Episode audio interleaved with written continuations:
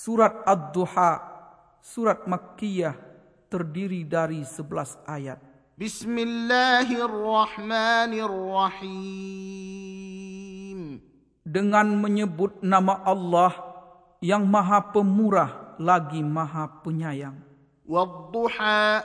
Demi waktu matahari sepenggelahan naik.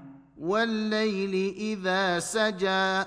Dan demi malam apabila telah sunyi. ما ودعك ربك وما قلى Tuhanmu tiada meninggalkan kamu dan tiada pula benci kepadamu.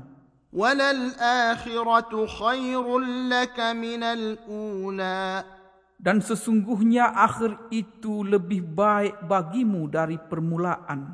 وَلَسَوْفَ يُعْطِيكَ رَبُّكَ فَتَرْضَى Dan kelak Tuhanmu pasti pasti memberikan karunia-Nya kepadamu, lalu hati kamu menjadi puas.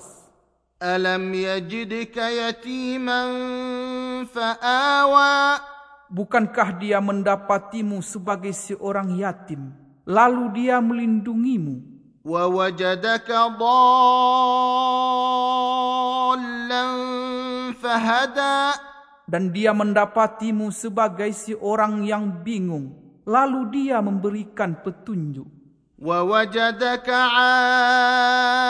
'ailan fa'aghna dan dia mendapatimu sebagai seorang yang kekurangan. Lalu dia memberikan kecukupan. fa ammal yatima fala taqhar adapun terhadap anak yatim maka janganlah kamu berlaku sewenang-wenang وأما السائل فلا تنهر dan terhadap orang yang minta-minta maka janganlah kamu menghardiknya wa amma bi ni'mati rabbika fahaddith dan terhadap nikmat Tuhanmu maka hendaklah kamu menyebut-nyebutnya dengan bersyukur